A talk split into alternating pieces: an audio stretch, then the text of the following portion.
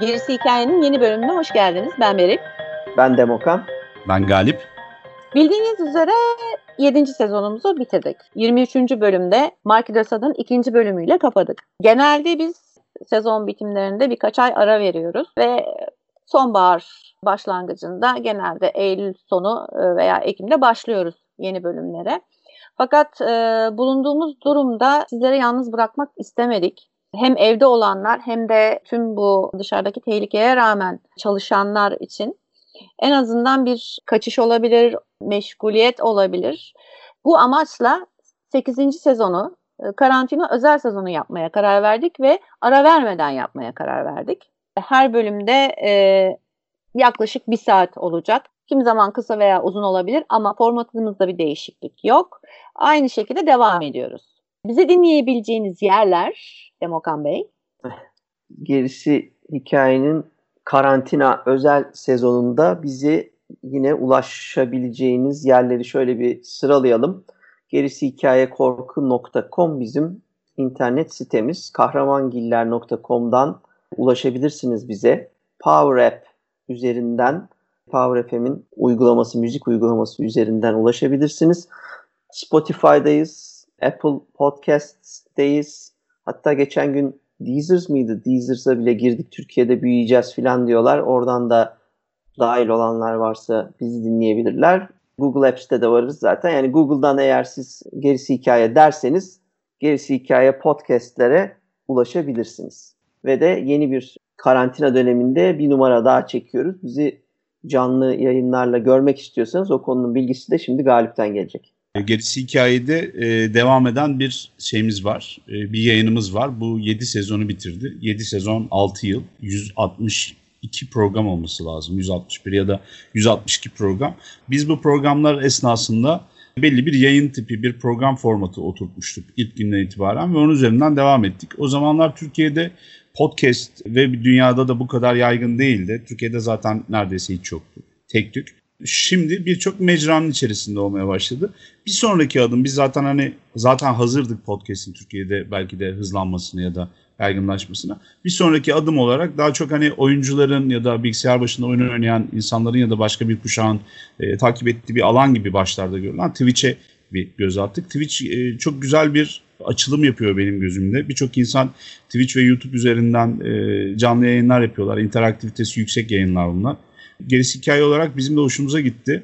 E, biz de ufak ufak bunları bir denemeye başladık. Karantina sezonuyla beraber gerisi hikayenin e, Twitch kanalında e, aktif hale getirdik. Henüz e, birazcık emekleme aşamasında. İşte ilk sıfırıncı bölümümüzü e, geçtiğimiz hafta yaptık. Bir pilot bölümü çektik. Ama teknik altyapıyı anlamak açısından önemliydi. Bundan sonra büyük ihtimalle her cuma, cuma geceleri sizinle küçük bir gerisi hikaye korku programı yapmayı planlıyoruz. Bizi Twitch üzerinden Gerisi Hikaye kanalından takip edebilirsiniz. Oradan sorularınızı sorabilirsiniz. Ayrıca Gerisi Hikaye'nin bu e, deneyiminin bir parçası olabilirsiniz yine. E, gerisi Hikaye dinlediğiniz ortamlarda bir selam vermekten de geri kalmayın diye de tekrar hatırlatayım. E, biz sizleri çok seviyoruz. Bu programları da sadece bu kültürü seven, korkuyu seven insanlar için yapıyoruz. O nedenle de hani böyle insanlar e, bizim yaptığımız programın da farkındaysa ve dinliyorlarsa bir selam vermelerini açıkçası isterim. Biz de onlara buradan çok çok çok selam gönderiyoruz.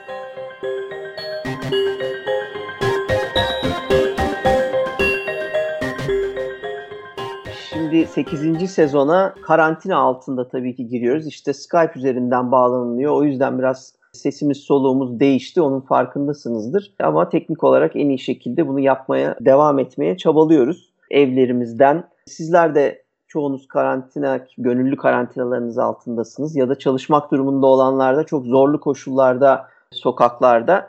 Umarız bu gerisi hikaye programlarıyla biraz sizlere de e, rahat edeceğiniz anlar sağlayabiliriz. Çünkü kendi adımıza biz biz de ihtiyaç duyuyoruz. Sizlerle iletişim kurmak, daha çok içimizi dökmek evde e, kaldığımızda, kapalı kaldığımızda ya da dışarı çıkıp işte stres altında 12 maymundan fırlamış gibi yüzümüzde maskeler, gözlerimizde gözlükler, yüzümüzde maskeler, kapaklar bir şeyler yani ortalık çok karışık. E, iyi hissetmeye ihtiyacımız var. Sinemadan, e, edebiyattan, kültürden bahsetmeye, bir şeyleri değiştirmeye yani hani evde otururken e, havamızı değiştirmek anlamında bir şeyleri değiştirmeye ihtiyacımız var. O yüzden de e, bunu sürdürelim, sizlerle olalım dedik. Bir e, hayatta kalma filmleri bölümüyle de e, yeni sezona girelim. Survival modu açalım dedik. İlk önce bir tanımlayalım. Nedir survival filmi? Hı hı. Film konuşacağımız için e, işin açıkçası ben e, bu sefer farklı bir yol izledim. O da nasıl? Efendim survival filmleri aslında adventure, macera filmlerinin bir alt kolu olarak nitelendiriliyor. Fakat bakıldığında pek çok türe dokunduğu gibi, temas halinde olduğu gibi aynı zamanda tek başına da bir tür oluşturacak kadar etkin diyebiliriz. Çünkü hem e, pek çok türü içinde barındırıyor hem bütün neredeyse filmlerde yani romantik bir film de olabilir. Onun içinde dahi görebiliyoruz survival'ı. O yüzden alt tür olarak tanımlansa dahi benim fikrimce e, başlı başına bir tür diyebilirim. Survival'ın tam olarak karşılığı hayatta kalmak ve veya yaşam mücadelesidir. Hmm. Şimdi buradan yola çıkacak olursak basit tanımı bir veya birkaç e, karakterin bir olay sonrası hayatta kalma mücadelesini konu eder bu filmler. Belli bir yol izler tabii ki. Hani belli bir formatı var bu filmlerin. Kimi dışına çıkar, kimi fazlasını ekler, kimisi eksik kalır ama genel e, izlediği yol şudur. Başlangıçta her şey sıradan e, veya çok güzeldir. Yani biz İlk başta son derece rahatsızdır. Herhangi bir tehlike işareti yoktur. Sonra yavaş yavaş tehlike sinyalleri görürüz. Hmm. Bir takım ipuçları, bir takım tiyolar alırız. Hatta uyarılar alırız. Sonra felaket aniden gelir. Yani o bizim Aa, ne zaman olacak, şimdi mi olacak derken hiç beklemediğimiz bir anda o felaket olur. Hı Ve hayatta kalma mücadelesi başlar. Akış içinde karmaşa, panik, çılgınlık gibi duygular yükselir. Korku da dahil tabii ki buna. Esas konumuz. Tabular yıkılır, ahlak kuralları esnetilir, etik ortadan kalkar, insani duyguların yoğunluğu inişli çıkışlı bir çizgi çizer. Kurtulmak için çareler denenir, maskeler düşer, gerçek benlik ve güç ortaya çıkar. Baş karakterin, kahramanın yolculuğunu görürüz burada da. Her hikayede olduğu gibi. Ve imkansız gibi görünen son çare kurtuluş sağlar veya sağlamayabilir ki kimi filmde bunların e, özellikle unutmak istediğim birkaç tane filmde böyle bir e, e, yaşa, yaşanmışlığı var. Her şey bittiğinde kahraman değişmiştir. Hiçbir şey eskisi gibi olmayacaktır. Aslında genel format budur. Hı hı. Şimdi ben birkaç şey çıkardım.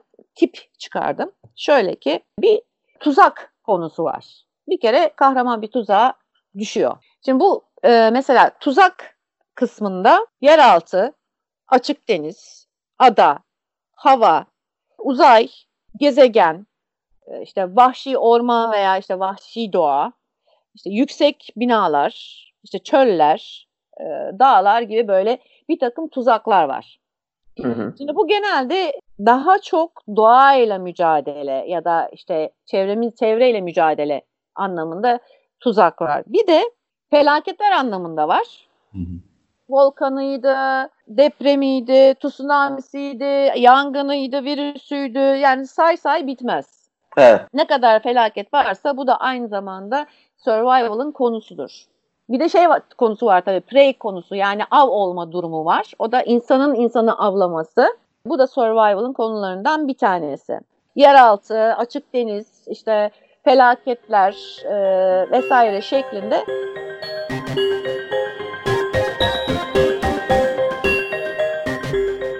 Şimdi bu e, survival hikayesini ilk önce bir ele almak, üzerine bir kafa yormak gerekiyor.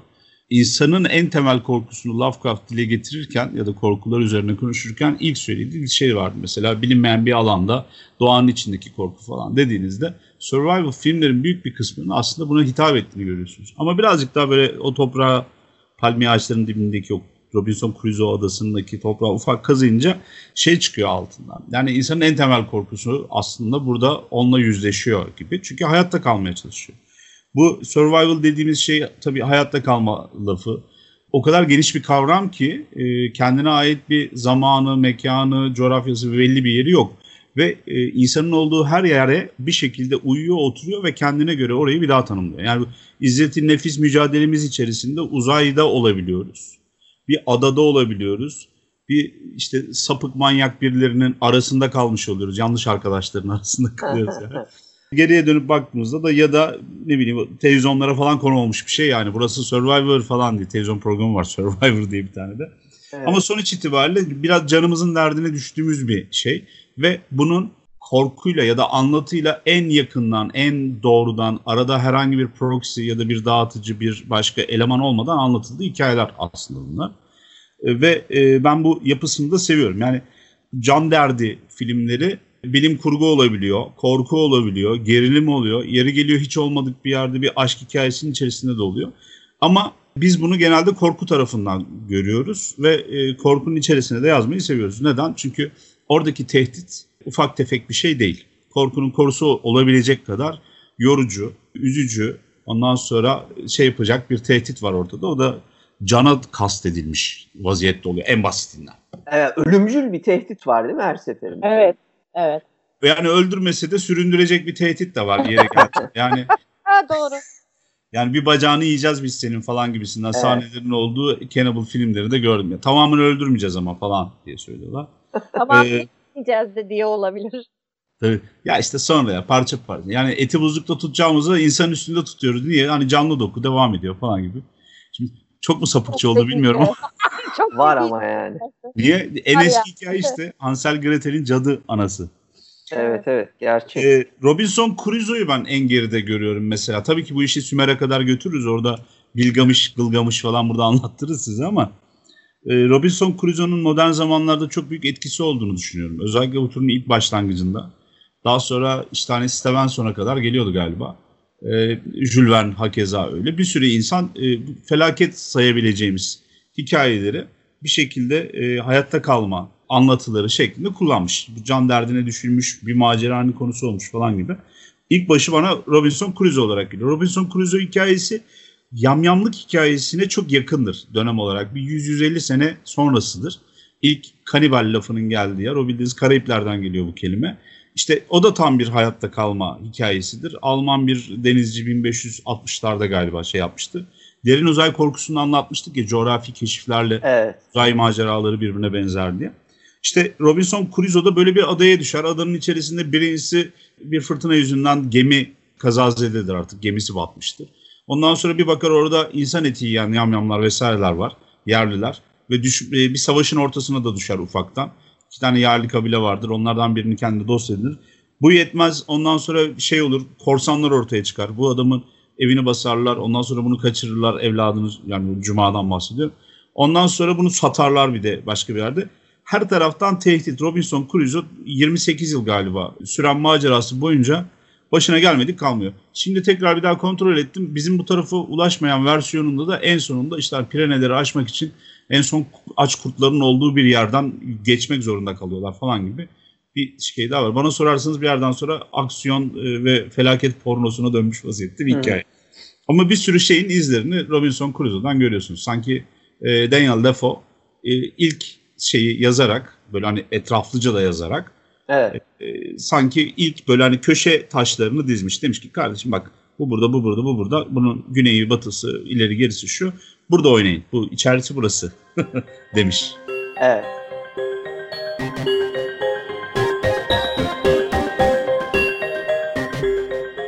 Ben de bir başka bir yerden gireyim. Zaten konuşacağımız meselelerden biri de o tabii ki ama benim video dolayısıyla video çağına birebir denk gelmem dolayısıyla zaten hızlı bir girişim oldu bu filmler her türlü filme e, dalışım çok hızlı oldu. Çok erken 10'lu yaşlarımı başında video çıktı. Bizimkiler de videoyu aldı. Bir de video kiralama dükkanı açınca babam tabii ben göbeğine düştüm bu işlerin.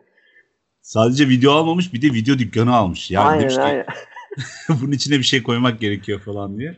Evet evet. Bu yani 80'li yıllarda çok fazla insana nasip olmayan bir böyle balıklama on binlerce filmin içine düşmüştüm.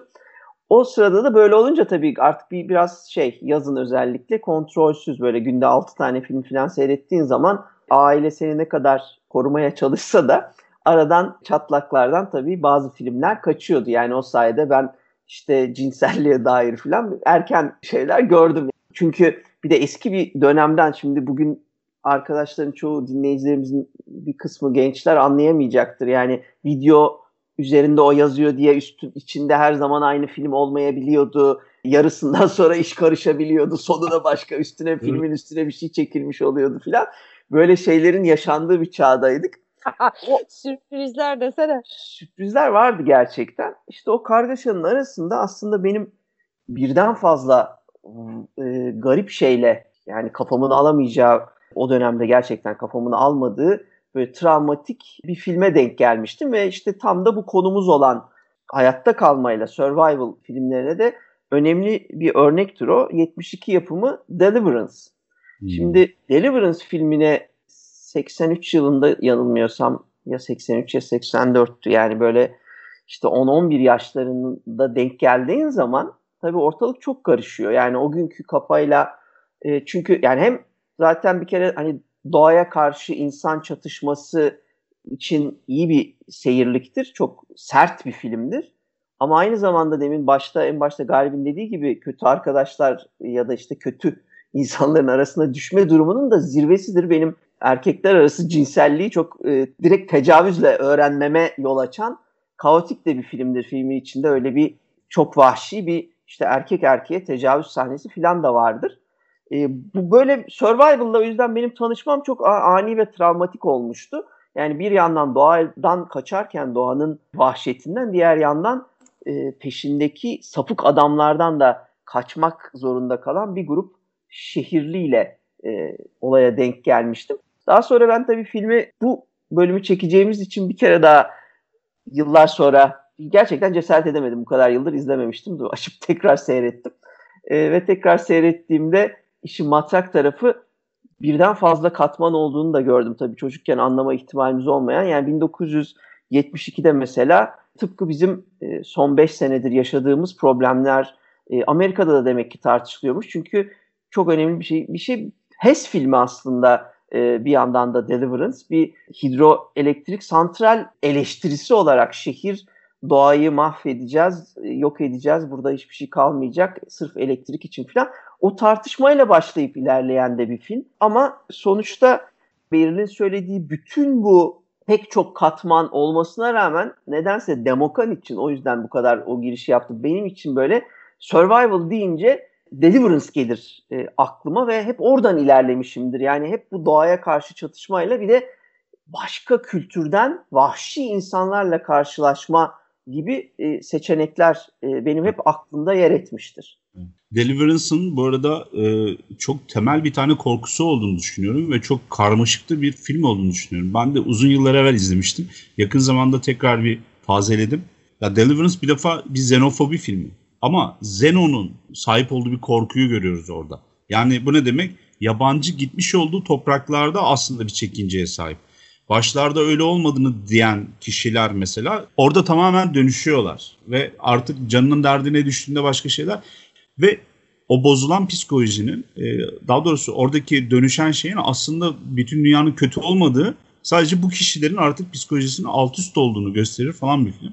En sonunda falan da şey yapar ya hani redneckler işte böyle adamı oraya gideni e, kampçıya tecavüz ediyorlar. işte şöyle kötüler orada kenarda kaçakçılar falan bir bakıyorsun öyle bir şey yok. Ya da bu bir genelleme değil. Ve e, çok ciddi bir hani ötekileştirme hikayesinin de alt üst olduğu bir yer. İlk başta elinde 60'ların çiçek çocuğu tadında çok iyi bir böyle e, şeyli arpejler vesaireler havada uçuşuyor. E, İspanyol gitar çalma sahnesi var. Onun karşısında da bizim 15 yaşında bir tane çocuk e, inanılmaz bir banjo çalıyor mesela. Of müthiş bir düetti mesela orası evet. ve e, filmin belki zirve yeri. Tabii bizim aklımızda dediğin gibi çok evvel çok sarsıcı bir şekilde izlediğimizden hep şey kalmış. Nehirle boğuşma ve tecavüz ve ondan kaçma, kovalama sahneleri kalmış. Evet, evet. yani sonuçta e, öyle bir yerden girdiğim için Hani onu da paylaşayım istedim burada. O film önemlidir. Ayrıca hani e, bir ara belki daha detaylı da konuşabiliriz. Deliverance'ı kenara aklımıza koyalım.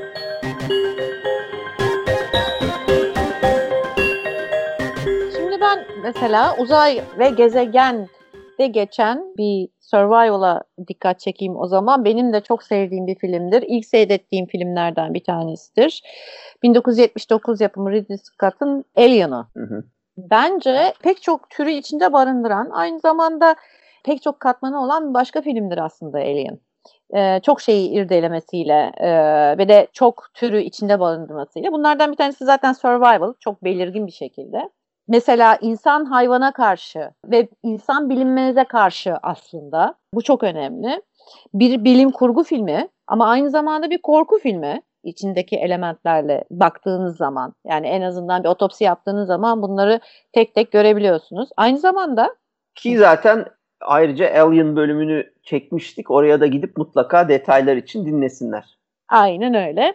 İçinde possession var. E, musallat olma var. Aslında musallatın bir başka çeşit. Biyolojik musallat diyebiliriz. yani parazit hikayesi. Şimdi bütün bu e, unsurları içinde taşıyor e, ama en heyecanlı yani filmi gerçekten vurucu kılan bilinmezlik ve şey survival yani hayatta kalma mücadelesi. Bir bilinmeze karşı savaş veriyorsun. İlk önce hani kendini nasıl koruyacağını bilmiyorsun. Belli şeylerde kendini korumayı bilirsin. Yani bir deprem olduğunda bir şekilde bir ufak bir bilgim vardır, bir selde ufak bir bilgim vardır veya bir hastalıkta ufak bir bilgim vardır ama karşındaki ya da bir hayvanla karşılaştığında o hayvana nasıl davranabileceğini yani yeryüzündeki hayvanlarla ilgili bilirsin. Yani çok acayip bir yere gidip de acayip bir hayvanla karşılaşmıyorsan ki konu bu aslında. Evet. Bilinmeyen bir canlıya karşı bir hayatta kalma mücadelesi veriyorsun ve hiçbir şeyini bilmiyorsun, hiçbir özelliğini bilmiyorsun. Yavaş yavaş o hayvanı tanıyorsun ve e, ona karşı önlem almaya başlıyorsun. Yani survival hikayesi aynı zamanda bir tanışma hikayesi. Evet. Alien o yüzden benim çok sevdiğim filmlerden bir tanesidir. Uzay konusuna gidecek olursak mesela şey de Event Horizon yani Ufuk Faciası da mesela benim çok sevdiğim hayatta kalma mücadelelerinden bir tanesidir. Çünkü e, bir şeyi kurtarmaya gidiyorsun kurtarma sen kurtarılacak duruma geliyorsun. Yani e, filmin çok etkili sahnelerinin olması aynı zamanda gene bir sürü farklı unsur içeriyor. Korku içeriyor, bilim kurgu içeriyor survival içeriyor. Yani Hı. bütün bu saydığımız filmler aslında başından beri hepsi en başta söylediğimiz gibi pek çok türe dokunan filmler. Sanki şey de böyle sen söylerken şunu düşündüm. Yani bütün uzay filmlerin neredeyse survival filmi kategorisine ister istemez sokmak durumunda kalıyoruz sanki değil mi? Tabii tabii tabii. Yani bunun içinde Pandora mesela Mission to Mars var, Red Planet var, The Martian var. Yani bütün bunlar aslında özellikle e, Marslı, Marslıyı düşün. Yine Ridley Scott'ın e, 2015 yapım Marslısı da zaten büyük bir hayatta kalma mücadelesi. Tabii. Tek başınasın. Hiçbir şeyin olmadığı bir geze, gezegende sadece oraya işte bir, beraberinde geldiğin geminle bir şey yapabilirsin. Yani evet. elindeki imkanları kullanarak hayatta kalma mücadelesi. Aslında biraz şeyi de andırıyor. O Castaway'i de andırıyor. Yani e, Tom Hanks'in filmi olan filmi de, Ada filmini de bayağı bir andırıyor.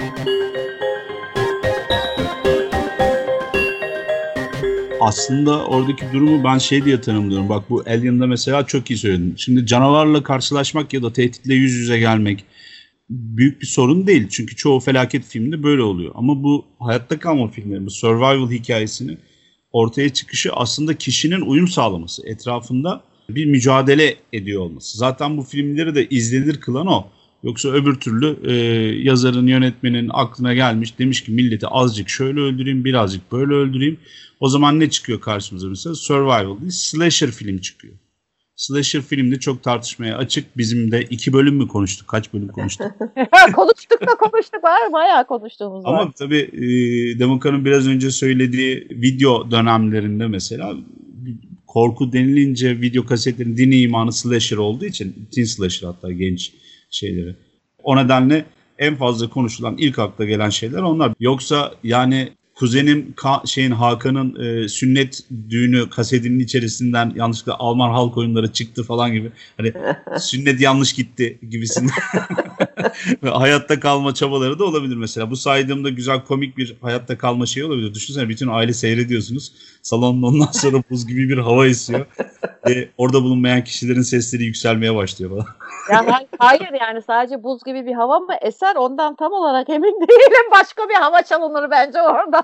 Hayır o de- sessizliğin sebebi de şey e, çok Bey'in ki, şeyle e, inventory'siyle karışmış olabilir. Em, Hayır, o- işin adam da anlamaya çalışıyor. Bakıyor envantere diyor ki benimkilerden mi değil? Ona göre. İşin kaotik tarafı bir de bütün bu esprilerin yanında yani yanlış bir şey oynamaya başladığında bizim şöyle bir çağdan bahsediyoruz. Bizim videonun uzaktan kumandası bile kabloluydu ki onu da herkes çok kullanmıyordu kablolu uzaktan heyula gibi bir şey. O yüzden yani zaten eğer bir ters bir şey ters giderse birinin kalkıp televizyona koşup onun kanalı değiştirmesi ya da videoyu kapatması bir sürü şey yapması gerekiyor. Yani bugünkü Evet. gibi kumandaya çıt bastım kurtuldum ya da ekranı indirdim e, rahatladım gibi e, laptop hareketler yok yani. Ay Bir bir de de durdurmaya çalıştığında dolup kalıyor sahne. orada yani orada böyle de Al durdurmak. yaparsan Yani. O yüzden o Al- kısa kısa koşucular falan hep 80'lerin çocuklarından çıkmaz. Böyle ilk 7 metreyi 0 saniyenin altında böyle koşuyorlar çünkü. Direkt televizyonun önünde.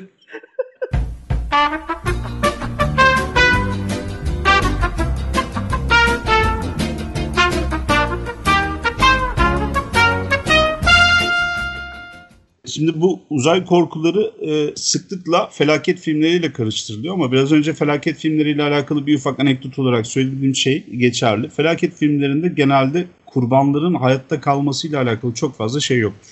E, şansları yoktur. Yani kurban kurbandır onlar. Wes Craven'ın kahramanlarında olduğu gibi bir yerden sonra kurban görünümünde olanlar e, inisiyatifi ele alıyorlar. Bir şekilde savaş savaş ya da kaç anında savaşmayı tercih ediyorlar. O bir psikolojik bir dönüşümü anlatıyor. Beril'in biraz önce söylediği ilk başta programın başında şey söylemişti ya bu e, zorlu deneyimi yaşayan bu survival e, filmimizin içerisindeki kahramanlar sonunda değişiyorlar tabii. Yani Evet. Aynı kalamıyorlar haliyle. Aynı kalamıyorlar. O aynı kalamamanın zirvesi işte hani tam bu şey filmleri. Uzay korkularındaki hayatta kalma şeyleri işte hani bu Marslı'da olduğu gibi, Alien'da olduğu gibi bir durum söz konusu. Çünkü adapte oluyorlar. Aslında uzaya gitmek bizim üzerimize vazife değil. Biz durduk yere kendi kendimize uydurduğumuz bir şey. Uzaya gitmeyi istemişiz biz. Oğlum Bizim- uçmak da bize göre bir şey değil. Ona Değil. bak. Ne işin var, ne işin var havada? Benim Ee, en ufak türbülansta ilk söylediğim şey bu galiba. Ulan biz burada ne yapıyoruz? bir, bir geri gidersen devir olarak bir geri gidersen aslında deniz de tamamen benim pek bizim yaşayacağımız bir yer değil. Yani sürekli bir keşif çabasıyla yapıyoruz bunları hep. Hep Evet, alt ediyoruz. Evet. Ya Yani- üstümüze vazife değil. O Ha. şimdi bu bizim e, sahip olmadığımız ama arzuladığımız ve aştığımız şeyler var ya. Bir yerde aslında bu uzay korkularının ya da survival game'in içerisindeki en büyük nüve. Çünkü e, hayatta kalanlar aslında oraya uyum sağlayabilenler oluyor. Yani buradan Darwin'e de ayrıca selamımızı gönderelim. Ee, sadece o ekosistemin, o tehditin altında kendine yaşayacak bir alan yaratan, nefes hücresi yaratan ya da tehditin üzerine üzerine giden ya da e, ondan kaçmayı başarabilenler bir şekilde hayatta kalıyor. Çünkü Alien gemide görünene kadar birinin de böyle bağrını yarıp göğsünü yarıp fışkırana kadar e, uzay gemisinin içerisinde Nostromo'da öyle elle tutulur bir silah yok ya da eline sıkacak bir şey yok. Ne yapıyorlar? İşte gaz silahlarından, çakmak tüpünden falan bir şeyler, bir ateş silahları icat ediyorlar. Bu da uyum sağlama tarafı oluyor biraz da. Tabii tabii yük gemisi yani silaha ihtiyaç yok. Zaten belki de yüzlerce yıldır artık yolculuk yapılıyor. Böyle bir sorun yaşanmamış. Öyle bir dünyayı anlatıyorlar. Mesela diğer şeylerde de, diğer unsurlarda da var, türlerde de var ama özellikle bu uzay ve e, gezegen survival filmleri çok daha fazla. Yani o kadar çoklar ki ben sadece hani çok bilinenleri aslında hani listeledim. Hani daha doğrusu seyrettiklerimi çoğu seyrettiğim ve listeledim. Mesela Pitch Black var. O da bir survival ve o da bir gezegen. Yani baktığın zaman hem korku içeriyor hem e, survival içeriyor hem bilim kurgu içeriyor hem de aslında fantazi, fantastik içeriyor. Çünkü bir sonraki adım onun fantastik bir duruma geliyor Riddick biliyorsunuz. O yüzden e, aslında Riddick filmlerinin hemen hemen hepsi survival'la alakalı. Interstellar var. O da öyle. Evet. Evet. Ee, veya Gravity. Aslında bunun en belirgin şeyi Gravity. Bravo. Gravity e, müthiş bir e, şey hayatta kalma filmi. Tamamen onun üstüne yani evet, Evet. birebir şablon e, hayatta kalma filmi nasıl yapılır? Evet biraz uçuk kaçık olsa da yani Evet, bana biraz kesinlikle. uçuk kaçık gelse de e, benim gerçekten çok sevdiğim filmlerden bir tanesiydi. E, özellikle artık formül formül üzerindeki bazı elementleri çok rahat görüyorsun. Yani işte kahramanın bir süre sonra deliliğe artık işi yani sanrı görmeye başlaması veya işte ne bileyim tamamen değişmesi o mücadele esnasında. Yani insanın mesela şöyle bir şey var. Survivor filmlerinin benim en çok sevdiğim şey odur. Normalde yapmayacağınız şeyi, düşünemeyeceğiniz şeyi düşünmeye başlarsınız veya yapmaya başlarsınız. Yani normal yaşamın akışında bazı şeyleri düşünmek neredeyse imkansızdır. Veya aklınızı ucuna dahi getirmezsiniz. Ama e, zorda kaldığınız zaman sanırım yaratıcılık aslında her insanın içinde olan bir şey ve belli bir noktadan sonra bir parça dür, dürtmeyle e, etkiyle çıkabiliyor. Yani hayatta kalmak için yaratıcılığınızı da kullanmanız gerekiyor.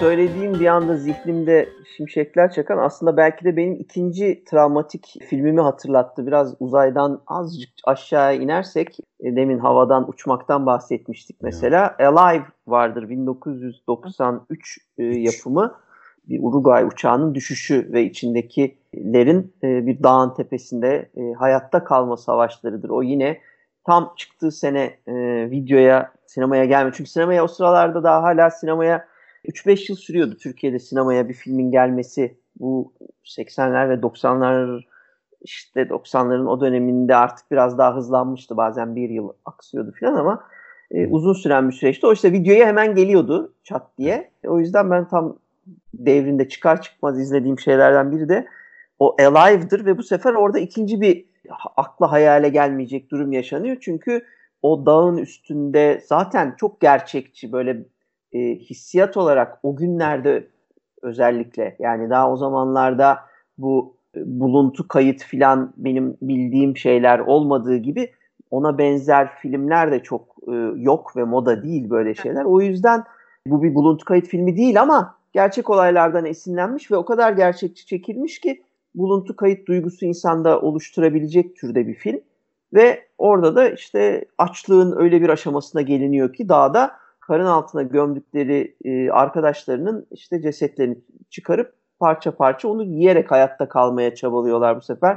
Yamyamlıkla karşılaştığım önemli e, filmlerden biriydi Alive ve de o da çok şablon bir e, hayatta kalma filmidir. Ee, orada mesela en vurucu şey işte bu başta söylediğimiz şey yani etik e, etik olarak veya işte ahlaki olarak e, veya insani olarak normalde yapmayacağınız şeyleri yapmak zorunda kalıyorsunuz. Evet. Çünkü hayatta kalmak için her şey mübah gibi bir durum söz konusu. Evet. Ya bu artık etiğin üzerine çıkıyor tabii ki. Yani şey bu. Bu sizin aklınızın ötesinde bir duygu. Yani kendi ellerinizle boğazınızı sıkın. e, nefesinizi kesmeye çalışın mesela. Yapamazsınız. Beden sizi emreder bir yerden sonra. Saçmalıyorsun deyip yani. Ve o yüzden de bizim üzerine bir medeniyet kurduğumuz aslında bilinç, karakter, ruh, e, düşünce, ahlak, erdem vesaire gibi şeyler e, genelde en temel düzeyde çalışması gerek, gerekiyor ya insan makinesinin. Eğer o seviyeyle karşılaştığı zaman yani oradaki zorluklarla buluştuğu zaman genelde devre dışı kalır ve insan da e, o beğenmediği hayvanla aynı seviyede davranır. Mesela bu Ant Dağları'nın üzerinde gerçekleşen e, o şey 1970'lerde yaşanmış bir vakaymış galiba. Evet. Futbol ya da e, rugby takımı mıydı bir Bir şey? takım evet. Okey. Rugby takımının başına geliyor ve hani aslında bizi e, bu survival dediğimiz ya da hayatta kalma filmlerini bir başka özel tarafına getiriyor. Bak çok güzel işaret ediyor. Da hani uzayda da böyleydi, e, gemide de böyleydi, uçakta da böyle. Sonuçta başka yerlerde var gene dağ başında kalmak gibi. Ekstrem durumlarla karşı karşıyasınız ve orada hani Beril'in biraz önce söylediği yani normalde yapmayacağın şeyleri yapıyorsun ya da yapmaya zorlanıyorsun kısmı direkt olarak burada gerçekleşiyor. Ee, gerçekten dağın başındasın. Öyle bir dağ değil. Galiba dünyanın en büyük ikinci dağı. Değil mi? Ant dağları. iki ya da üçüncü olabilir. Ee, Sıra dağlar anlamında evet. Tabii tabii. An Dağları evet. Ve gerçekten her yerden uzak aç vaziyettesin ölmek üzeresin. Orada kazada hayatını kaybetmiş arkadaşların işte bir bacağını yiyorlar galiba daha sonra şuydu buydu. 2-3 haftada kalıyorlar bildiğim kadarıyla. Bu çok özel bir durum. Daha önce kimsenin başına da gelmemiş bir durum. En azından kayıt altına alınmamış. Açlık yeni bir şey değil. Yani Moğol ordusu da e, şeyleri altın orduyu takip ederken mesela e, yanlarında getirdiği e, destek kuvvetlerinden Rus askerlerini falan yiyor. Hatta Ruslar çok tatsız adamlar ya falan diye kendi aralarında da dalgasını geçmişler. Öyle E, bir şey yapmışlar. Şey çocuk Kudüs'e giderken e, Ha, çocuk haç yeme- seferi değil mi? haç Aydın'da. seferi orada da yenir. Ama modern zamanlarda kayıt altına alınmış en vurucu hikaye de buydu. Ve zaten daha da vurucu olmasının sebebi Alive'de galiba John Malkovich'in e, inanılmaz derecede tiyatral bir şekilde bunu anlatmasıydı bu hikayeyi. O giriş kısmında falan vardı. Ben video trailerına baktım bugün tekrar e, filmin. Orada da Evet. gene geçip anlatıyordu. Çok özel ya da ekstrem bir durum gerçekleşiyor. Bunun karşısında da insan hayatta kalmaya çalışıyor. Şimdi biz korku yazdığımız için zaten kahramanlarımızı, kurbanlarımızı böyle şartlara sokuyoruz. E, böyle durumlarla karşılaştırıyoruz ve ondan sonra da e, ona göre bir konum almasını sağlıyoruz. Bir Ne kovalamaca mı? küfrediyorlardır bize? Ne küfrediyorlardır bize? Kahramanlar? Yukarıya böyle parmağını sallayıp "Hmm, yeneceğim seni falan diyorlar ama arada. Buraya bir gelirsem. Aynen. Yani e, sonuçta hiç yapmayacakları, normal şartlar altında yapmayacakları şeyler yapıyorlar. Çünkü şartlar hiç normal. değil.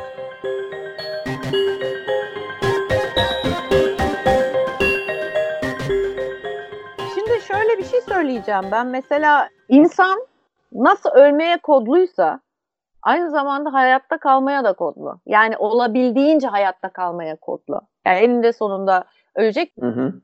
Ya da sıkı sıkı sarılıyor mu diyelim. Bir tanesine zaten isteyerek sarıldığını zannetmiyorum ama hayatta kalmaya sıkı sıkı sarılıyor. Evet.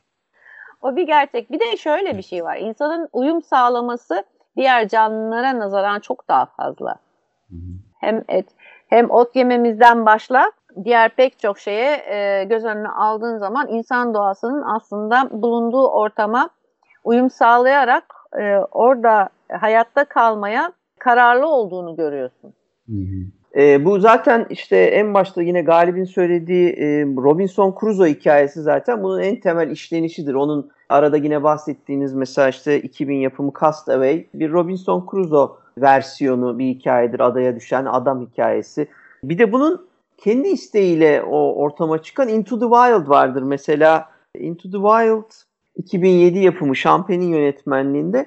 Mesela o da çok e, acayiptir. Hani çocuk doğaya gidip böyle bir yaşam savaşına kendini sokar ve çok gerçekçi sorunlarla bu sefer artık o Into the Wild'da e, yani bir hayvan avlayıp da yaşarım ben diyen e, şehirli naifliğinin ne kadar saçma olduğunu mesela uzun uzun bize anlatır. Yani e, bir hayvanı avladığında o hayvanı etini en kısa sürede işte nasıl ayırıp da temizleyip de korumaya altına alman gerekliliği bunu yapmazsan başına gelebilecekler falan gibi acayip detaylarla bizi sanki o filmin içinde bir karaktermişiz gibi e, ki o da yanılmıyorsam yine gerçek olaylardan esinleniliyor. E, bu olayın içine düşüp yaşamaya çalışır çalışan bir genç bir oğlanın hikayesidir Into the Wild'da mesela. Ya ben şeyin bir çizgisini çekmek istiyorum. Ama bu çekeceğim çizgi iki taraftan da olacak. Şimdi öncelikle e, bu survival filmlere baktığımızda da gene Robinson Crusoe mevzusunda olduğu gibi doğa bizim düşmanımızdır gibi bir algı var. Ama aslında dönüp baktığımızda biz sadece doğaya karşı hazırlıklı olamamakla ilgili bir sorunumuz oluyor. Biz e, eğer o doğayla alakalı kendi aramızdaki şeyi sağlarsak ona göre hazırlıklarımızı yaparsak, uyum sağlamaya başlarsak işte Robinson Crusoe ne yapıyordu? Kendine küçük bir shelter kulübe hazırlıyordu. Efendim e, gemiden düşmüş ya da etrafta dolanan keçileri buluyordu, silahları falan. Adam birazcık hani toplayınca şey yapıyordu. Nedir adı? E, Daha, daha iyi hissediyordu kendini. Artık bir survival'dan çıkıp bir maceraya dönüşüyordu böyle. Adam aa bu defa ne yapacak acaba? Yarın tarlaya gidecek mi falan dönüyordu. Şimdi öbür tarafta da şey var. Yani bizim bu filmlerimiz doğanın düşmanlığını çok artırarak anlatmayı seviyor. Çünkü e, heyecan verici anlatı bu demek. Dramatik bir şekilde yükseltiyor böyle. Ama bu sadece survival şeylerinde geçmiyor. Mesela Discovery'nin, Net Geo'nun falan belgesellerine bak. Heyecan yaratsın diye e, kurdu kuşa düşman ediyorlar falan. İşte o bundan kaçabilecek mi? Antilopu şurada aslan ısıracak mı? Ya aslan yese yese bütün bir aslan kabilesi atıyorum 3 tane e, bufaloyu, 2 tane antilopu yeseler kurtulacaklar. 1 milyon inek geçiyor sudan karşıya. Biz gerilim içerisindeyiz. Niye? Yani tanımıyoruz da bufaloları. Akrabalığımız falan da yok tamam mı? Ulan bir tanesini alıp gidecekler. Ama öyle bir gerilim yaratılıyor ki e, bu gerilimin içerisinde siz de iyi vakit geçirmiş oluyorsunuz. İyi, e, heyecanlı vakit geçirmiş oluyorsunuz.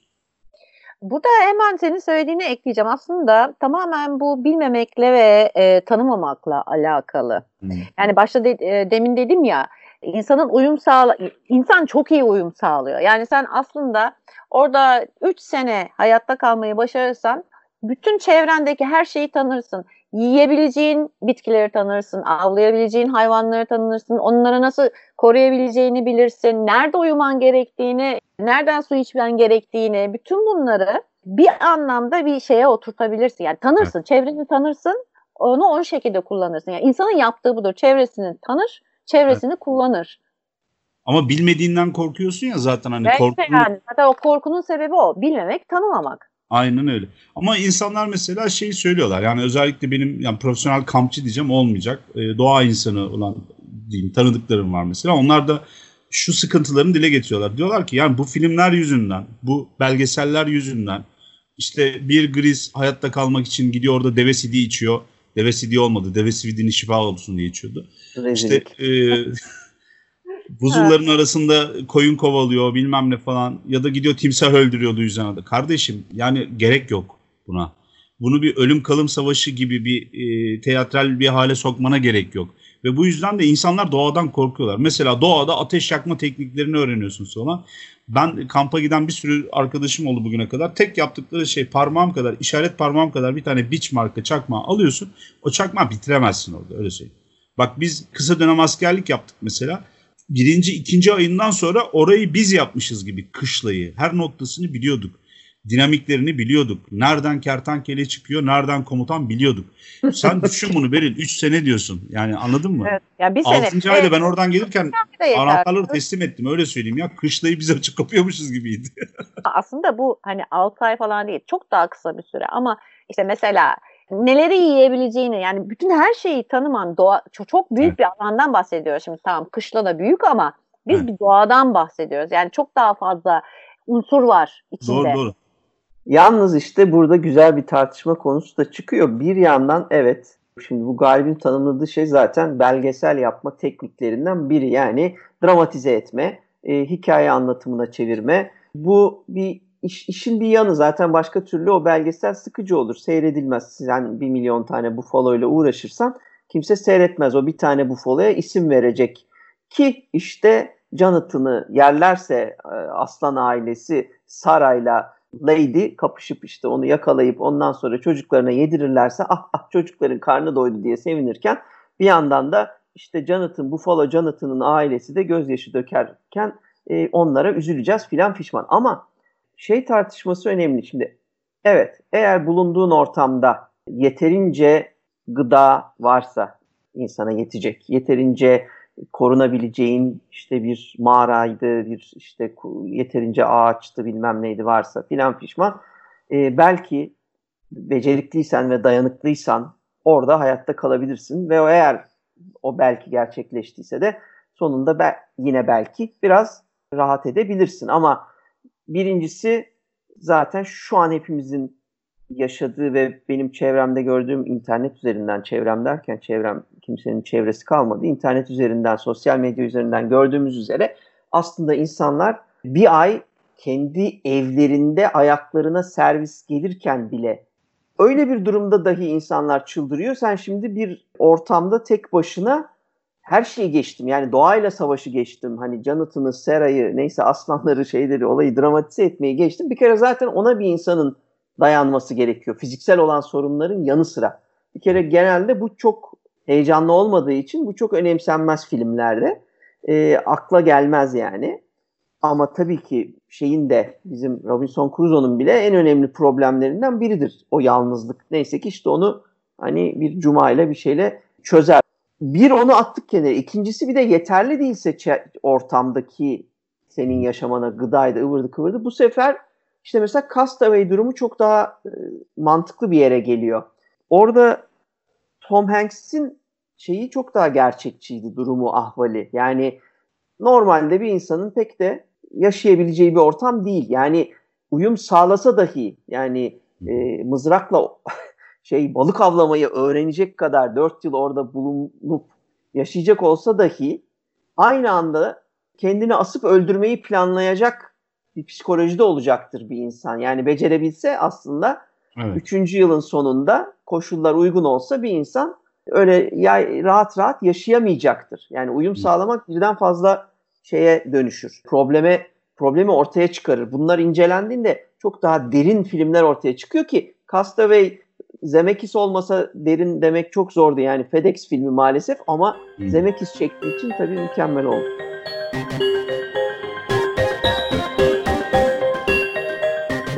Aa, burada e, şöyle bir şey geldi aklıma.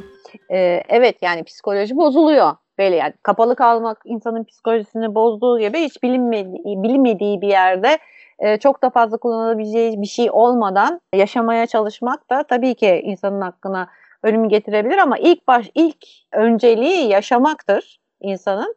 Öyle bir psikolojik bozuklukta amaç yaratıyor insan.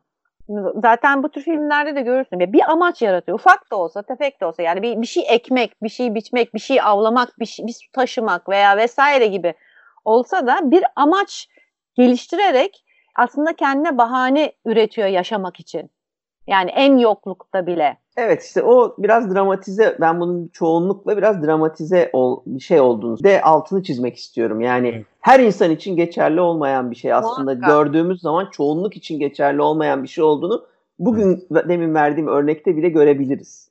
Bir şey daha ekleyeceğim. Mesela ben kendimden örnek verebilirim. Normalde yani sizler de öylesiniz. Pek çıkan insanlar değiliz ama benim bir aya geçiyor artık. Ee, ve benim de yavaş yavaş yani o e, psikolojiyi yaşıyorum. E, çünkü en azından haftada bir bir markete gidiyordum. Ona gidemiyorum. Ama e, gördüm ki ki pek çok benim uğraşım var. Yani e, bir gün içinde pek çok şeyle uğraşabilirim. Kendimi oyalayabilecek, amaç olabilecek pek çok şey var. Ama yenilerini yarattığımı görüyorum. Yani o şeye vermemek, kaptırmamak için kendime. Tabii dediğin gibi bu her insan için geçerli değil. Benim burada ekleyeceğim ufak başka bir şey var. İkincisi bu Into the Wild'la beraber hani söylemiştin ya oraya bir şeyler koyacaktım ben. Bu tarafta da hani doğanın düşmanı olmaması durumu ama doğaya karşı bir hazırlıksız olma durumu var. Şimdi doğada arazide bulunan insanlar hasbel kadar e, gönüllü olarak ya da zorunlu olarak orada bulunan kişilerin karşılaştığı bir takım zor, zorluklar var. Çünkü doğa sizin her zaman dostunuz değil. Doğa çünkü doğa. Doğa bir şey değil yani anlatabiliyor muyum? Siz ona eklemleniyorsunuz çoğu zaman. Bir insan kibiriyle her şey bizim için işte Tanrı onu bizim için yarattı falan bütün hayvanlar bizim falan diyorsunuz ama bence bana sorarsanız biraz kabadayılık o. Yani şeyle kaydutluk hatta. Ee, yani bir e, tuvalet kağıdı rulosu için sağ kolunu verecek adamlar biliyorum ben arazide kaldığı anda. Çünkü böyle zorlukları var. Normal sizin konfor alanınızdan çıkıyor. Şimdi orada ne yaptınız? Nasıl davrandığınız önemli. Ben bir sürü insan biliyorum doğa güzellemesi yapan, efendim şöyle yeşil, böyle bilmem ne diye. Sonra hani bu Survivor'a falan gittiğinde de ya açlıktan şey yapacağım diye ağlayan kızlara dönüşüyorlar bunlar. Erkekler de kızlar da aynı bu arada. Cinsiyet şeyi de söylemiyorum. O nedenle hani oradaki yamukluk biraz bu işlere maruz kalanların psikolojisi bunu demek önemli. Mesela Deliverance o yüzden güzeldi. Orada birden fazla karakter ve değişik birden fazla psikoloji vardı ve o insanların oradaki dönüşümünü ya da tepkilerini görebilmek keyifliydi. Ama öbür türlü de mesela backpackerlar falan türedi 2005-2015 arasında. Ee, onlar da ufak ufak memleketlerine dönüyorlar. Yaşlanmaya başladılar çünkü backpack travel bir yere kadar. Sigortalı bir işe başlayalım da e, şey geliyor nedir o da emeklilik yaklaşıyor 15 yıl evet. sonra. İşte mesela e, onların başına gelen şeyler genelde doğanın içerisindeki survival e, şeylerine bir karşılık oluyordu. Çünkü o zorluklarla birebir görünüyordur. Ama mesela bunun dışında gerçekleşen başka şeyler var. Profesyonel, herhangi bir kazazede gibi olmayan kişilerin başına gelen, yolunda gitmeyen durumlar var mesela. En etkileyicisi biliyorsunuz neydi? 127 saat e, evet. bir dağ kaya evet. tırmanışçısının sıkışıp kaldığı yerde bir gerçek yaşanmış bir hikayede. İşte kolunu keserek hayatta kalma. Çakıyla. Evet. Çakıyla bir de yani kesem, kesilmeyecek bir aletle. Bir e, Leatherman şey gibi bir şeyle kesiyordu. Muazzam bir filmdi ve e, o gerilimi gerçekten hissediyordunuz o çaresizliği falan. Filmlerin en güçlü olduğu taraf da bu. Ama bir yandan da adam güç, irade, e, evet. dirayet ve yani bunu sadece ölmekle mi izah edeceğiz falan. Ben filmi ilk izlediğim zaman da böyle bir karma karışık olmuştum. Zaten korkunç da bir film yani. Birinin kendi kolunu kestiğiyle alakalı bir hikaye dinliyorsunuz. Bence çok etkileyici. İkinci bir kez seyredilmeyecek bir film bence. Çünkü insanın asabını bozuyor. Gerçekten asabını bozuyor. Diğer kolunu Çok güzel film ama e, yani kendi kolun kesilirmiş gibi oluyor ama bu dediğimiz durum işte. Hiç imkansız olarak düşünebileceğin bir şeyin evet. e, gerçekleşmesi. Çünkü senden başka, seni senden başka kimse kurtaramaz noktasına e, geliyor. Bu arada bu senin söylediğin ben de bir tane böyle bir ışık yaktı. Şimdi biz de Sade konuşurken aslında Lut peygamber ve iki kızının mağaradaki şeyini söylemiştik. Yani mağarada 120 evet. gün falan gibisinden de bir ufak makara yapmıştık. Orada hani o kızların babalarıyla sevişme durumunu o psikolojiyi anlamak için de survival evet. e, şeyini e, dürtüsünü koyabilirsin. Hayatta kalmak, soyu devam ettirmek falan gibi. Yani onların oradaki babalarımızla birlikte olalım falan dediği zaman rasyonalize etme şeyleri de öne sürdükleri şey de buydu. Tabii. Anlatabiliyor muyum? Çünkü orada yani dünyada tek kalma gibi bir düşünce var. Yani başka hiç kimse kalmadı. Bir tek biz kaldık gibi bir düşünce var. Sadece evet. oranın yok edilmesi şey değil ki çünkü bunlar yani küçük dünyalar. O zamanki tarihleri düşündüğünüz zaman evet. e, düşünce yapısı da o tabii ki. Tabii tabii. Herkes Amerikalı gibi düşünüyor. Amerika yok olursa bütün dünya yok olmuştur gibi düşünüyor. O devirlerde de herkes. Amerikalılar hala öyle düşünüyor ya. Evet. Ama o da şey işte ya nedir adı benden sonrası tufan gibi bir şey oluyor. Tabii adam öldükten sonra dünyanın geri kalanı hayatta kalmış. O şu an çok iyi hissediyorum mu diyecek abi. Bana ulan ben öldüm zaten. o bireysel olan öyle de ama bir Amerikalı şeyi var yani bu e, abartılı hani her şey Amerika'ya olur. Amerika yok olduysa dünya yok olmaktadır görüşü var. Ben öyle bir şeyden Hollywood e, bakış açısının oturttuğu bir şey var. O yani saçma sapan bir şeydir. O, ona, onun altını çizdim. Yoksa tabii bireysel olarak benden sonrası tufan çok önemli bir e, şey. Hayatta kalma şeylerinden biri de odur aslında. Mekanizmalarından biri. Kaç? 15. 14. Louis'nin galiba metresi Madame Pompadour diyor onu. New Orleans elden çıkmış. Amerika'da toprak kaybedilmiş. Louis saçı başı dağıtmış, perukaları falan atmış. Aman diyor boş ver Louis bizden sonrası tufan diyor. Bu arada ben böyle biraz mahalle diliyle anlattım ama birebir böyle olmuş.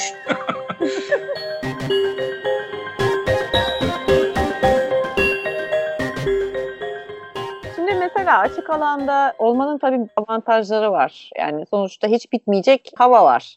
Öyle değil mi? Su bile su bulma olasılığın var. Ee, veya işte hayvan bulma olasılığın var yiyecek açısından. Yani bir şekilde kendini idame ettirme imkanın var belli bir noktaya kadar. Ama gömüldüğün zaman ne yapacaksın? İşte esas bence korku, dehşet burada başlıyor. Oo. Ya bu arada söylediklerin de çok güven vermedi bana. Neden dersen hava var ama sollayabileceğin bir hava olmayabilir. Su, e, bulduğun su deniz suyu olabilir. Life of Pi'de hatırlıyorsunuz. Evet, evet. Teknedeydi çocuk. Her taraf su ama içemiyorsun falan böyle. Ama Gerçi onların da yöntemi var değil mi? Şey, evet ya, evet. Tuzu Aynen. buharlaştırıyorsun ama bombok bir su elde ediyorsun ama hayatta kalıyor falan falan. Evet. Ya iyi de onun içinde yeterince bilmem ne seyredip elinde o malzeme olacak da yani bunlar çok gerçekçi değiller. Bugünkü halinle sen tatile yardım... çıkmışken düştün evet. yani. E o zaman ne yapacaksın yani? O çocuk da kitaptan yapıyordu galiba. Yani hayatta kalma kılavuzu gibi bir şey vardı şeyde. Tabii tabii. Yani bir eğer bir kaplanla aynı boğutta yaşayabilirsen Üçüncü... tabii ki. Ha. Evet Beril'in üçüncü şeyi. E, dedin ya hani bir hayvan bulursun. E bulursun da bakalım hayvan yenilmek istiyor mu? ya da hayvan mı aslında yemek istiyor? Hayvan da diyor ki aa ya en fazla bir insan bulurum hayatta kalırım falan diyormuş. e, tabii ya. Kaplan bulmuş. Ama bu gömülme hikayesi ekstra korkunç. O tabutların içini kazıyanlar bilmem neler var, falan vardır ya. E, tabii mesela Buried vardı 2010 yapımı. Hmm. Şu Deadpool'daki ee, olanın oynadı değil mi? Evet evet Deadpool'daki e, neydi Ryan Ryan Reynolds. Gosling değil Reynolds. Değil. Ha. Ryan Re Reynolds değil mi? Ha. Ryan, Ryan Reynolds'ın. Mesela orada yani gömülmek bence hani işin son noktası. Ya yani o kadar dar alanda gömülmek. Bir de geniş alanda gömülmek var. Mesela e, bizim Descent Evet. Yani gömülmek değil ama e, yerin altında kaybolmak kadar feci bir şey yok. Çünkü oradaki olasılıkların ya da imkanların yeryüzündeki kadar değil. Şimdi e, sen onu deyince atlamadan o gömülme meselesine şimdi ben Buried filmi tabii bana sorarsanız bayağı dandik bir filmdi filmin kendisi anlamında yani. Şeyi veremiyordu. O duyguyu bana aktaramamıştı filan fişman ama o tamamen odak noktası o olmadığı halde The Vanishing'de işte e, Jeff Bridges, Kiefer Sutherland, Nancy Travis ve Sandra Bullock dörtlüsünü görürüz. Burada da filmin temel amacı bu gömülme meselesi olmasa da bu arada spoiler geliyor 1993 yapımı bu 30 yıllık filme.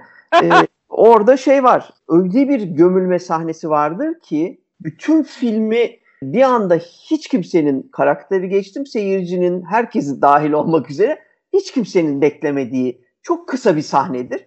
Ama bir koca filmle o The Buried'de yapılmaya çalışılan e, orada 5 dakikada yapılmış pırıl pırıl bir iştir. Onu hatırlattı bana. O yüzden girdim araya. Sen Yani şey- sen evet. kısılı kalmanın zirvesi herhalde o. Yani bütün yeraltı şehri senin.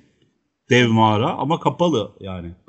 Hayır bir de e, tehli- yani e, daha az değil tehlikesi tamam hani hava bilmediğin yaratıklar İşte o yaratık biraz benim- bonus tabii orada. Yani yaratıklar olmasa tamamen survival hikayesi olacak da. tabii Evet, hiçbir- o zaman canavar filmi oluyor. Evet. evet aslında bir korku filmi ama survival dozu da bayağı yüksek.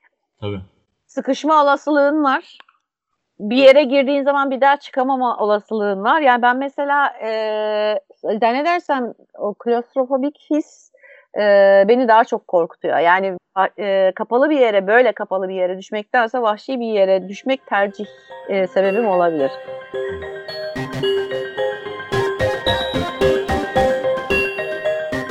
O halde Şimdi- seni alalım sineklerin tanrısına falan diyeceğim böyle. Survival'sa onun altyapısı direkt o. Bir de çoluk çocukla kaldığın halde hani biraz önce psikolojiden bahsettik ya. İnsan böyle bir durumla karşılaşınca ne yapacağını, nasıl davranacağını kestiremiyorsun. İşte o zaman ne oluyor? Psikolojinin değil edebiyatın konusu olmaya başlıyor bu tarz vakalar. Çünkü sapıtanlar, geçmişinden bir anda ortaya çıkan e, tanrılar, aşırı dindarlık ve muhafazakarlıktan bahsediyorum. Sineklerin tanrısının adı bildiğiniz avatar yaratıyorlardı bir tane o domuz kafasıyla. Evet.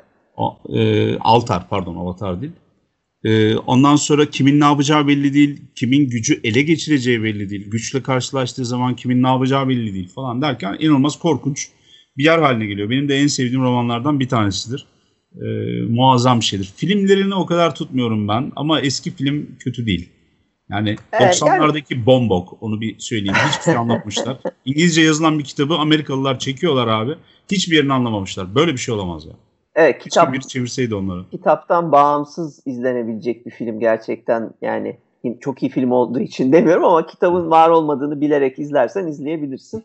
Ama duyguları, psikolojileri kesinlikle karıştırma. Onun çok güzel bir nokta o psikolojinin ve işte ahlakın ve inançların ve ya da taraf olmanın çatışmalarından biri yine bir tek mekan üstadı Hitchcock'un The Lifeboat'u vardır 1944'te. Ve The Lifeboat'ta yine tek mekan bayağı böyle düşünsenize bir tane kurtarma sandalında kısılı kalan bir grup insanın filmidir. Yani bu Life of Pi filandan önce 1944'te dediğim gibi yapılmış Alfred Hitchcock filmi.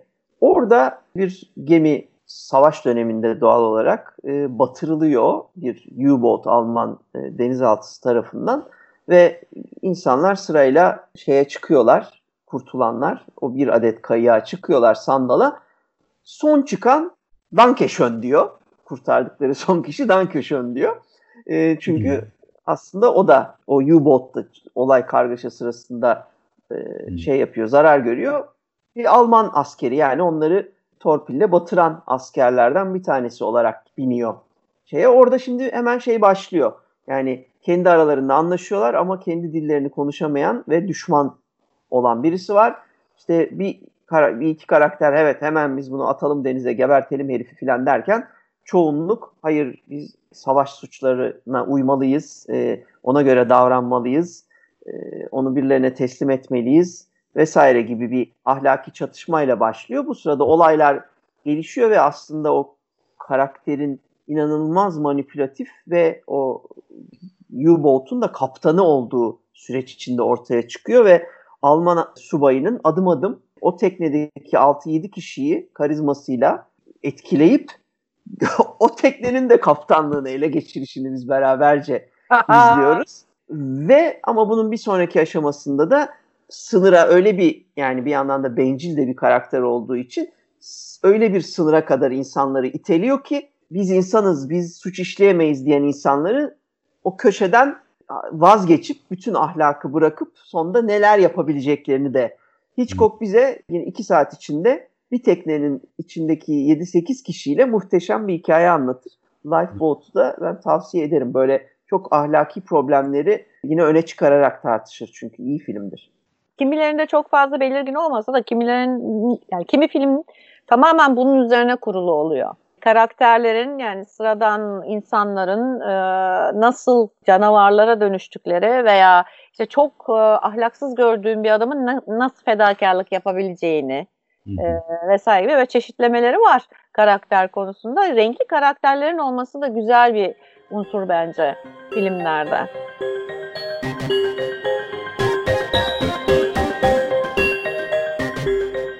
yakın zamandan hatta Oscar da aldı galiba değil mi? The Revenant var. Mesela biraz önce Beril gömülmekle alakalı söyledin ya. Şimdi Hı-hı. açık havada gömülen bir adamdan bahsediyoruz. Sonuçta e, çok ağır yaralı ve elinden hiçbir şey gelmiyor. Oğlunun ölüşün, ölümünü falan görüyor. Yapacak hiçbir şey yok. Doğada hayatta kalmaya çalışıyor falan. O mesela onun o çaresizlik sahnesi orada ve terminus dedikleri ölüme mahkum bir şekilde hasta olup yatması e, kısmı var.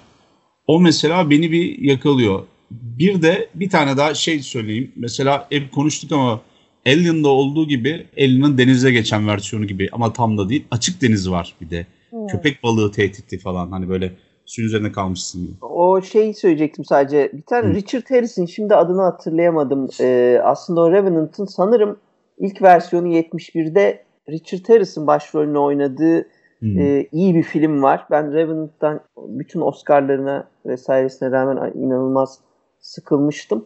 Ama Richard Harris'in filmi öyle değildi. Fakat şu an bir bakayım ben de neyin yeniden çekimiymiş onun üzerinden belki yürürüz. Ama şey de vardı sahneleri mahneleri yine iyiydi. 1900... Çok güzel görünüyordu onu kimseyle tartışamayız zaten. Ee, evet. Görüntü yönetmenine alkışlar. Ama bir filmin sadece görüntülerden ve sadece iyi oyunculuktan oluşmadığının güzel bir ispatıydı bence.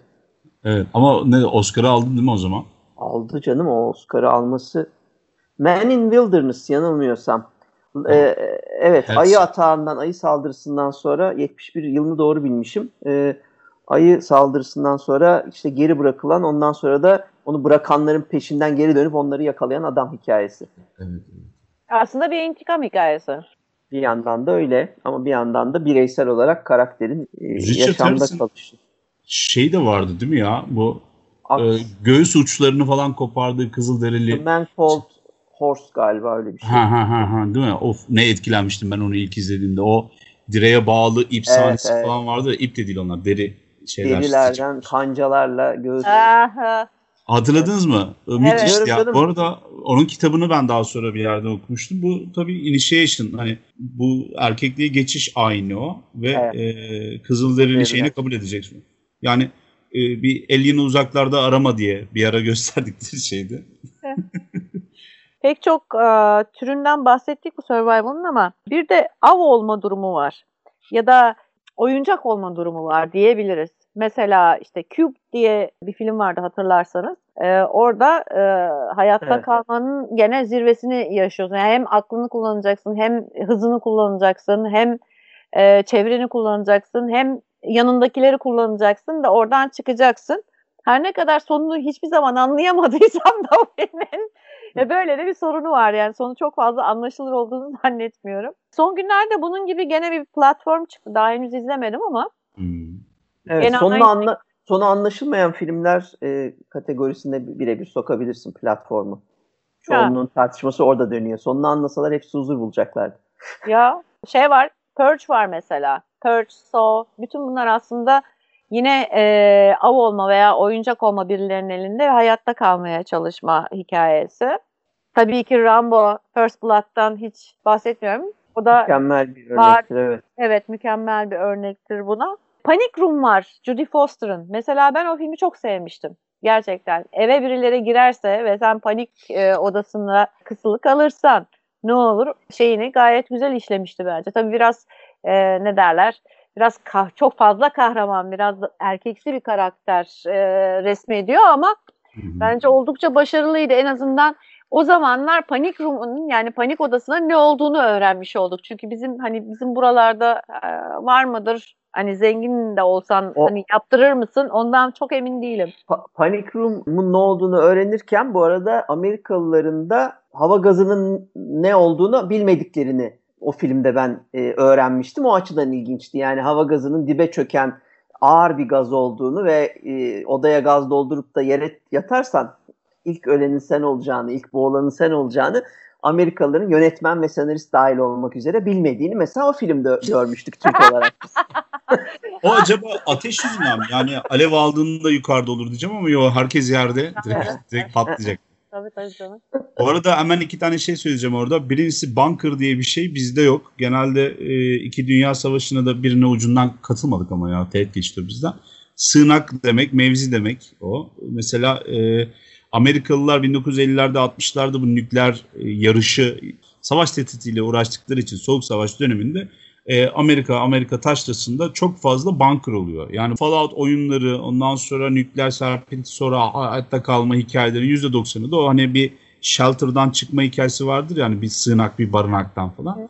Orada bizde barınak falan yok.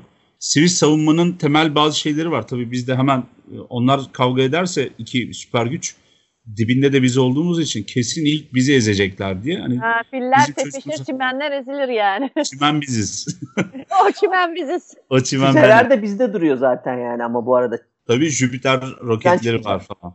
Ha. Ondan sonra e, bizde tabii bu yok ama hissi var. Mesela üç defa kesik çalıyorsa uçaklar geliyor bilmem ne gibi şeyler. Nereye sığınacaksın? Okulun alt tarafında bir bodrum var oraya sığınacaksın. Şimdi tamamen mezarlık aslında orası. Üstünü de kapat. Çıkacak yer yok. Zaten e, bomba oraya geldiği anda zaten direkt öldürecek.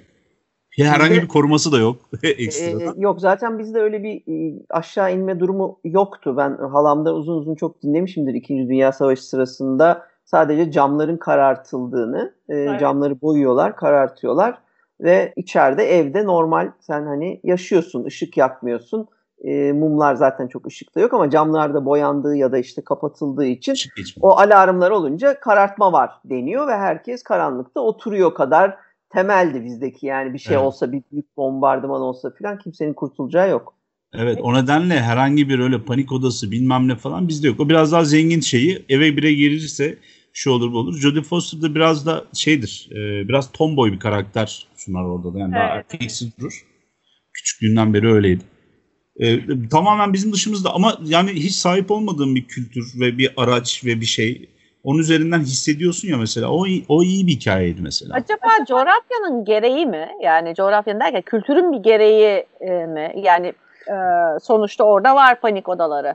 Hazırlıkçılar da var. Şimdi mesela bizim burada hazırlıkçı dediğin zaman ne hazırlıkçısı diye böyle aval aval bakar. Yani çok bilinen bir şey değil hazırlıkçılık. Doğru, Değil doğru. tabii bizde zaten panik olduğu zaman herkes hazırlıkçıymış onu öğrendik. Makarnalara saldıran. Evet, evet, evet. Ama e, yani bu işi senelerce sürdüren var. Yani 20 sene boyunca işte şeyi yeraltı sığınağı yapan, o sığınağa bütün lüksü döşeyen, işte e, yiyecekleri depolayan.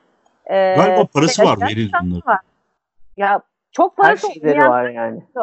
bunu. Yani Biraz her şey şeyleri yok. var. Yani Evet. biz ben sana söyleyeyim öyle bir arabanın arkasını konserveyle doldurup getiriyor adamlar. Bizde yapmaya kalksan bir senelik maaşın Batarsın direkt gider ya. yani. E, tabii. Bir de evler bizim değil ya Türkiye'de. Biz şu an bayağı şehirliyiz ya. Belki şeyde olsak yani köy, taşra vesaire ya da ilçe kasaba gibi yerlerde bizim de hazırlığımız olur. Çünkü biz hazırlığa yabancı değiliz. Konserveciler insanlarız yani. Anneler falan hala Turşular, kendi murşular. konservelerini yapar, turşularını kurarlar vesaire. Tabii canım, Annemle kendi dalga şey- geçeyim ben. yaparız, turşularımızı yaparız, Ondan bahsediyorum. yaparız Anneme yani. dalga geçeyim ben Evet, dur ya sen tam prep oldun ha başımıza falan diye. Ama işin şakası yapıyorsun. Şimdi mesela ben evde e, yani reçel zaten kendim yapıyordum. E, Evet. dışarıdan almıyorum. E, şimdi oturup düşünüyorum. Yani yoğurdu da yapabiliyorum. E, hiç salça yapmadım mesela. Salça yapabilirim veya işte ne bileyim tereyağı, peynir yapabilirim. Deneyebilirim yani onları. Ben yemek getiren çocuğu kendim yapabilirim diye düşünüyorum falan. yemek sepetini şey. Bu arada eskiden ben köy odalarına çocukken gittiğimde falan hatırlıyorum. Ekmek şeyleri vardır. Yani ekmek damı diye geçen hatta odalar var. Orada yufkalar böyle üst üste konulmuş. Yufka da hoş bir malzemedir. Üzerine böyle avucuna biraz su alırsın, serpersin. 3 e, ay evvel yapmış olduğun şey o kuru şey bir anda tekrar o eski formunu kavuşur. Su olmadığı için.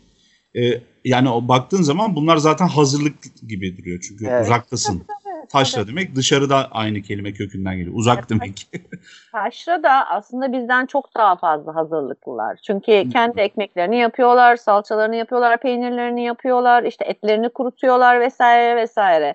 Yani bu e, dedelerden işte atalardan kalma yöntemlerle e, aslında e, bizden çok daha hazırlıklılar. Yani zaten hiçbir şey alamazsan onları en azından bizden daha fazla idare edebilecek, yemek doyurabilecek stokları var. Değil zaten senin işte o yüzden e, Amerika'da anlatılan kısma da bakarsan zaten o e, şeyciler, e, stokçular, ıvırlar, kıvırlar onların neredeyse hepsi Amerika'nın çoğunlukla köylü olmasından, o hikayelerin anlatılmasından evet. ger- gerçekleşiyor. Kırsalda geçiyor çoğunluğu. Devasa ülkede hiç e, New York'ta ya da Chicago'da e, çok nadirdir yani o Hazır, garip çok. özel hikayeler yani o I Am Legend filan gibi başka bir gerçeküstü bir yere gidersen olabilecek hikayeler olabilir.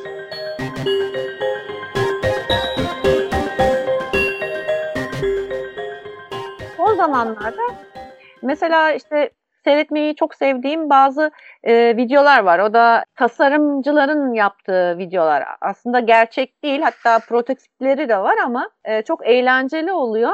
Açılıp kapanabilen evler. E, ha, mobil evler. Mobil, yani mobil ev. Evet aynen öyle. Yani bir kamyonun arkasına bağlayıp da götürebiliyorsun veya bir araziye koyabiliyorsun. Kendine evet. ait işte şey sistemi var. Kanalizasyon sistemi var. Kendine ait işte su deposu var vesairesi var. İşte camları bilmem ne geçirmez falan şeklinde. Özellikle deprem bölgelerinde veya işte kimyasal savaş vesaire işte virüs şu bu e, durumunda e, yalıtımlı evler bunlar. Havası yani içeri giren havayı temizleyen böyle e, tasarımcılar çoğalmaya başladı. Mesela e, bu deprem anında şey olan katlanan yataklar var. Hmm içeri, yatağın altı aslında bir anlamda panik odası. Ve de aynı zamanda bir tabutta olabiliyor isteğe bağlı tabii olarak. Ki, tabii ki. Ama içinde ki. su falan var bayağı. işte suyu var, yemeği var, aynı zamanda oksijen tüpleri var, şu bu. Ama e, bu tür tasarımlar çoğaldı. Yani insan her ihtimale karşı kendini hazırlıyor mu diyeyim yoksa e, bu tür hazırlıkçılara karşı bir çeşit endüstri mi oluşturuyorlar? Ee, onu tam olarak daha henüz emin değilim ama bu tarihten sonra e, hazırlıkçıların daha çoğalacağına eminim. Evet. Var var kesinlikle. Yani Türkiye'de şimdi e, bu sayı artıyor. İki tane sebebi var. O biraz önce dedin ya Demekan. Ya onlar da aslında Amerikan köylüsü diye. Fakat adamların evini, barkını, arabasını, üstünü başını görünce banka e, hesap şeyini görmediğimiz halde diyorsun ki ulan bunlar köylü müylü olmaz yani. Evet. Bunlar milletin efendisi olmuşlar ama köylü değiller çok belli yani. Ondan sonra tabii ortaya çıkıyor ki e, ekonomik durum ve oradaki yapı bu adamların iyi bir hayat yaşamalarını, çok çalıştıkları e, takdirde para kazanmalarını şey yapıyor. Ama Türk milleti ne, ne yazık ki o şekilde değil. E, bizim köylümüz genelde e, ekstra gariban seviyede oluyor ve bunun da farkında mı bilmiyorum. Bu arada bir şey ekleyeceğim. Şeyden kaynaklı olabilir o. Bunlar iç savaş görmüş ya. Hmm. Yani biz de gördük yani biz de gördük neredeyse ama e, iç savaş gördükleri için belki de o şeyden kalma olabilir. O tarihten kalma, o felaketten kalma, savaştan kalma olabilir. Hmm. Bir de e, durumu. Bir de e, Galip'in söylediğin karşılığı bence orada A olmamasından, devlet olmasından kaynak bazı şey çok temel bir nokta var. E, A yok o yüzden yoksa onların hepsi kendi A'sı. Yani arazin varsa A sensin zaten. İçeri gireni vurur öldürürsün kimse evet. Sana evet. ne yapıyorsun diye soramaz bir. Evet. Ya toprak kendilerinin e, olayı o. Bizdeki gibi e, işte İsmet İnönü galiba toprak reformu yapmaya çalışıyor. Ondan sonra hızlı geri dönüyor. Çünkü Demokrat Parti'nin başa geçme sebeplerinden bir tanesi de konuşulmayan odur. Toprak reformu o zamana kadar bizim bu bahsettiğimiz gariban köylünün çoğu sadece üstündeki elbiseye sahip. Yani yürüdüğü toprağa bile sahip değil. Evet. evet. Ee, ve şeyde toprak reformu da yok. Daha sonradan ortaya çıkıyor işte arazinin, devlet arazilerinin belki verilmesi. E, adamların toprağı var anacığım. Ekip biçip işleyebiliyorlar. O bir şeydir yani. Bir şey bir mal da birikir orada. e, başka bir şeylere vakit de kalır. Hayatta kalmak, survival zorunda değiller hemen yani dakika bir gol birdi. Ama şunu söylemem gerekir yani hepimizin bir avuç toprağa ihtiyacı var o da bir kesin. Yani herkesin bence bir e, ufak da olsa arazisi olmalı. Gün geldiğinde gelecek ne gösterir bilinmez. Ekip, ekip biçebileceği en azından kendi arazisinin içinde güvenli olabileceği bir ortam yaratabileceği hmm. arazisi olması gerekiyor. Olsa ya iyi işte olur. Yap, yapısal, yapısal farklılıklar da hani ülkeden ülkede değişen şeyler oluyor. Ama mesela bak biz bunu hissediyoruz. Bu gene yani survival hikayesine döneyim. Ee, bu hikayelerin bu kadar seviliyor olmasının sebebi ya da devamlı yapılıyor olmasının sebebi öyle söyleyeyim. Hani 2-3 senede bir, bir tane gelir hayatta kalma filmi. E, bu, bunların çok temel düzeyde bir yerleri gıdıklıyor olması. Yani herkes de hissetti, hissedeceği bir alanın olmasından kaynaklanıyor. Hatırlıyor değil mi seni? Yani e, şey yapıyor, hikayeye davet ediyor. Yani şey kayıtsız kalamıyorsun buna. E, baktığında diyorsun ki yani bak mesela benim için iyi bir bilim kurgu hikayesi özellikle bir In Time filminden sonra fark etmiştim. Filmin yarısına geldiğimde herkes koluna bakıyordu. Neden? Çünkü hani oradaki zaman ekonomisi söz konusuydu. İnsanların kolunda vardı. Ulan benim elime bu kadar zaman geçse böyle bir zaman ekonomisi olan yerde ben şunu yapardım falan diye kafada matematiğini yapmaya bir hesap kitaba girdiği zaman e, bir izleyici, bir okur o hikaye seni içine aldı demek oluyor. Tamam mı? Seni ele geçirdi demek oluyor hatta daha doğrusu. Pozez etti oluyor. Bizim buradaki şeyde de bu e, survival hikayesinde de öyle. Bak bunker dedin 15 dakika onu konuştuk. E, etimolojisini nereden geldi, Türkiye'de var mı yok mu konuştuk. Ondan sonra bak bu açık deniz hikayesi vardı Open Waters. Onu hiç konuşmadık. Bir hayvana karşı kalınan ve özellikle deniz korkusu. Deniz çok büyük korku bu arada. Evet. Onu söyleyeyim. Ben de var. Benim tanıdığım birkaç kişi de var ve yani muazzam bir fobiden bahsediyoruz. Açık denizde öyle dımdızda kalmak bilmiyorum ya ben herhalde ben, ben boğulayım da kurtulayım dersin. Öyle bir yüzleşme var orada. Ondan sonra hiç şeyi konuşmadık abi. Zombi e, apokalipste survive Değil evet, mi? Evet, Survival'ın zirvesi geniş, 15 yıldır. Çok geniş bir e, konu. Yani ben kısıtlayalım dedik ve sadece filmler dedik ama orada bile tufaya düştük. Çok geniş bir konuyu aldığımız için evet. detaylarına giremedik. Belki e, ikinci bir survival filmleri bölümü yaparız. Evet. evet.